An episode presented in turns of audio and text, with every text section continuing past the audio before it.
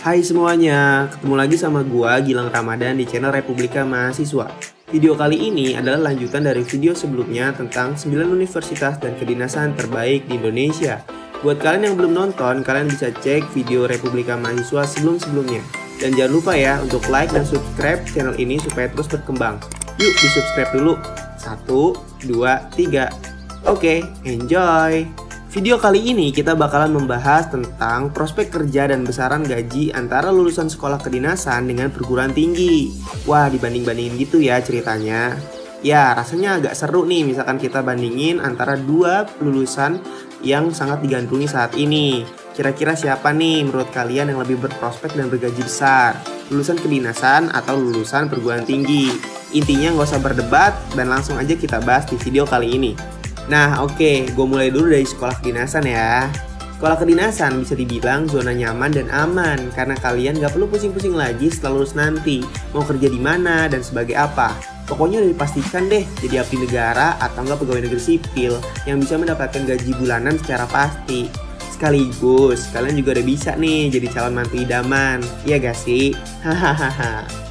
Nah, maka dari itu, untuk masuk sekolah kedinasan di masa sekarang-sekarang ini udah cukup berat dan sulit persaingannya. Seleksi ujian sekolah kedinasan pun agak berbeda ketimbang sekolah perguruan tinggi, di mana mereka punya ketentuan masing-masing yang terkait dengan kementerian yang menaunginya. Bisa dibilang nih ya, gaji lulusan sekolah kedinasan setingkat S1 ataupun diploma gajinya nggak gede-gede banget kok. Cuma kisaran 2-3 juta aja. Eits, tapi jangan salah, yang besar itu tunjangannya, di mana bisa 2 sampai 5 kali lipat dari gaji pokoknya. Wow, gede banget kan tuh. Jadi kalau ditanya gaji, ya kecil, tapi akumulasi semuanya gede dong. Hahaha. Untuk kenaikan gaji PNS sendiri, biasanya tuh rata-rata 2 tahun sekali lah. Besarannya pun tergantung kementerian terkait. Rata-rata paling sekitar 3-5% aja dari gaji pokoknya. Nah, sekarang kita coba list gaji anak lulusan kedinasan satu-satu nih ya. Kita mulai dulu dari yang paling terkenal, PKN STAN. Gaji lulusan PKN STAN berada di kisaran 2,4 sampai 3 jutaan nih guys, sesuai peraturan pemerintah yang sudah ditetapkan.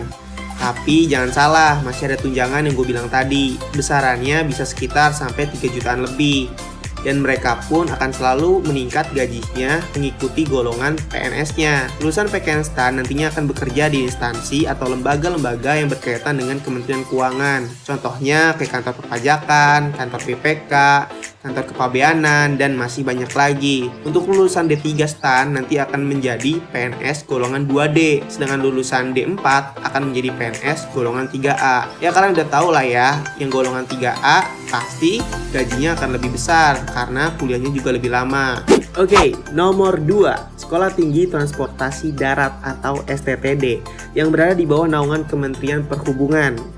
Setelah lulus dari Sekolah Tinggi Transportasi Darat atau STTD ini, kalian akan disebar di beberapa kantor dinas perhubungan untuk urusan transportasi pribadi atau umum, seperti bus, kereta api, MRT, LRT, dan lain-lainnya. Jebolan STTD mungkin gajinya nggak gede-gede banget, Lulusan baru STTD sebagai PNS golongan 2D untuk diploma 3 mendapatkan gaji sekitar 2,4 jutaan dengan tunjangan sekitar 1,9 jutaan per bulan untuk pegawai yang masih berstatus single ya.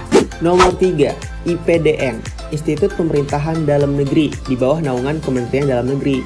Lulusan saja IPDN memiliki nilai plus di jajaran pemerintahan. Secara gaji dia bisa dibilang cukup besar untuk para lulusan Praja IPDN yang berprestasi dan memiliki karir yang mulus, ketika mereka menjabat sebagai lurah, mereka bisa mendapatkan gaji sekitar 30 jutaan loh. Wow, gede banget kan? Di mana meliputi gaji pokok, tunjangan jabatan, tunjangan kinerja daerah statis, tunjangan kinerja daerah dinamis, tunjangan transportasi, dan lain-lain yang ditotal hingga besarannya 30 juta lebih. Itu baru lurah. Kalau bisa naik jabatan menjadi seorang camat, gajinya juga bisa naik sampai 40 juta lebih loh guys. Wow, menjanjikan banget kan?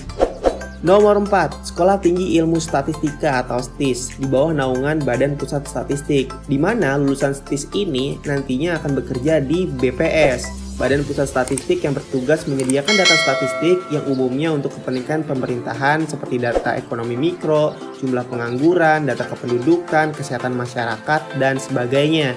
Dengan pekerjaan seperti itu, lulusan D4 STIS nantinya akan berada di tingkatan PNS golongan 3A dengan besaran gaji 2,5 jutaan dan besaran tunjangan sekitar 3 jutaan lebih. Nomor 5, Akpol, Akademisi Kepolisian. Nah, untuk yang ini tambahan aja ya guys, supaya kalian tahu berapa sih besaran gaji para aparatur penegak hukum.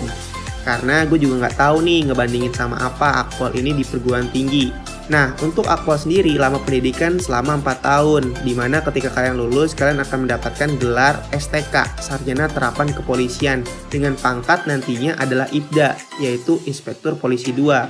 Untuk gaji sendiri, IPDA ini sudah diatur berdasarkan PP nomor 32 tahun 2015, yaitu besaran gaji pokoknya adalah 2.604.000 dan untuk tunjangan-tunjangannya cukup banyak perintilannya guys. Pokoknya untuk Inspektur Polisi 2 atau IPDA, besaran gaji rata-ratanya di antara 7 sampai 10 juta.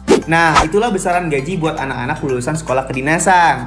Untuk anak universitas, santai dulu. Tenang-tenang, gue juga bakal sebutin prospek besaran gaji kalian nih, anak universitas. Yang di mana nggak kalah lah ya sama anak kedinasan. Nah, kalau ngomongin anak-anak muda kota zaman sekarang, rasanya mereka akan lebih banyak memilih untuk melanjutkan pendidikan di universitas nih guys. Kenapa demikian? Dikarenakan di universitas mereka akan mendapatkan lebih banyak kebebasan dan kelonggaran untuk mengeksplor pilihan cakupan ilmu yang lebih luas lagi yang mereka sukain, yang terbatas di sekolah kedinasan. Gak jarang lulusan anak universitas juga bisa berada di posisi jabatan-jabatan strategis dengan penghasilan yang besar yang penting kalian sebagai mahasiswa universitas memastikan aja ketika kalian kuliah, kalian tidak hanya belajar secara teori, tapi mempersiapkan pengalaman, relasi, skill, dan lain-lain untuk kalian siap terjun di dunia kerja nantinya. Nah, berikut beberapa list gaji dari anak lulusan universitas, guys. Let's go. Yang pertama, dari jurusan yang umum dulu nih, manajemen, akuntansi, dan administrasi bisnis atau niaga. Siapa bilang lulusan universitas ini nggak bisa kerja di bawah instansi Kementerian Keuangan lalu diangkat jadi PNS? Tentu aja lah bisa ya. Cuma kuota untuk jalur umum itu sangat sedikit dan persaingannya akan jauh lebih ketat. Tapi ketika kalian diterima lulusan S1 universitas di pemerintahan, kalian sudah bisa mendapatkan gaji 4-7 juta Sedangkan di perusahaan swasta atau startup yang namanya cukup terkenal nih ya, kalian bisa ngantongin 5 sampai 10 juta rupiah. Tentunya akan perlahan naik sesuai proses jenjang karir kalian ya. Untuk kondisi kerjaan yang muluk-muluknya nih, kalian bisa jadi admin dengan gaji 2 sampai 4 jutaan guys. Nomor 2 ada lulusan dari jurusan statistik nih, saingannya anak lulusan sekolah kedinasan STIS. Nah, buat kalian lulusan statistika universitas, nggak usah pesimis karena kemampuan data analisis kalian sangat dibutuhkan juga di sektor swasta, di mana data analisis kalian nantinya menjadi ujung tombak nih pengambilan keputusan dari rencana perusahaan. Dengan hal itu, semua kalian memiliki potensi gaji sekitar 4 6 jutaan, guys. Nomor 3, lulusan dari jurusan teknik industri. Nah, bagi kalian anak-anak teknik industri, kalian bisa mau masuk Kementerian Perindustrian, bisa. Mau masuk ke BUMN, bisa banget. Mau masuk Kementerian Ketenagakerjaan, ya juga bisa. Jebolan anak teknik industri ini bisa dibilang cakupannya cukup luas guys. Karena di sektor negeri maupun swasta sangat berkembang tuh yang namanya perindustrian. Dan yang paling banyak menyerap tenaga kerja ya sektor itu. Buat kalian yang beruntung bisa masuk di kementerian atau BUMN Kalian bisa mendapatkan gaji sekitar 6-7 jutaan per bulan. Buat kalian yang di sektor swasta yang cukup ternama Kalian bisa membawa pulang gaji sekitar 5-6 jutaan per bulan Nomor 4, lulusan jurusan pendidikan dengan gelar SPD-nya. Buat kalian lulusan anak universitas, jurusan yang berbau ke pengajaran-pengajaran gitu, seperti ilmu murni, dengan ketertarikan menjadi pengajar, guru atau dosen, gue mau kasih tahu nih prospek gaji kalian.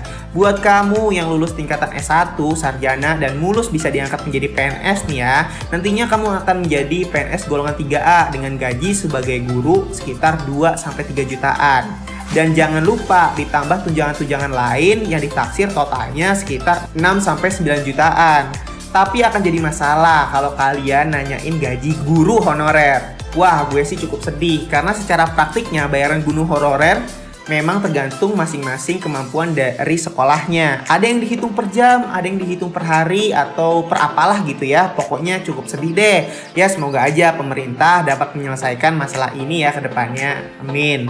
So, segitu aja dari yang bisa gue jabarkan buat kalian yang tahu lebih banyak tentang besaran gaji dari pekerjaan-pekerjaan dan jabatan tertentu, kalian bisa tulis di kolom komentar. Kesimpulan dari gue, anak kedinasan memang lebih unggul kalau persoalan hari tua. Karena jarang banget ya namanya PNS itu dipecat selama dia nggak ngelakuin tindak kejahatan gitu. Sedangkan anak universitas yang kerjanya di swasta, itu tiap hari yang nggak pasti. Bisa aja tahu-tahu ada pemutusan kerja kan tapi buat kalian anak universitas yang di swasta, gue bisa bilang jenjang karir kalian tuh akan lebih cepat naiknya kalau memang kalian berprestasi ketimbang mereka-mereka yang bekerja sebagai PNS yang memerlukan puluhan tahun untuk bisa mendapatkan posisi jabatan strategis tertentu.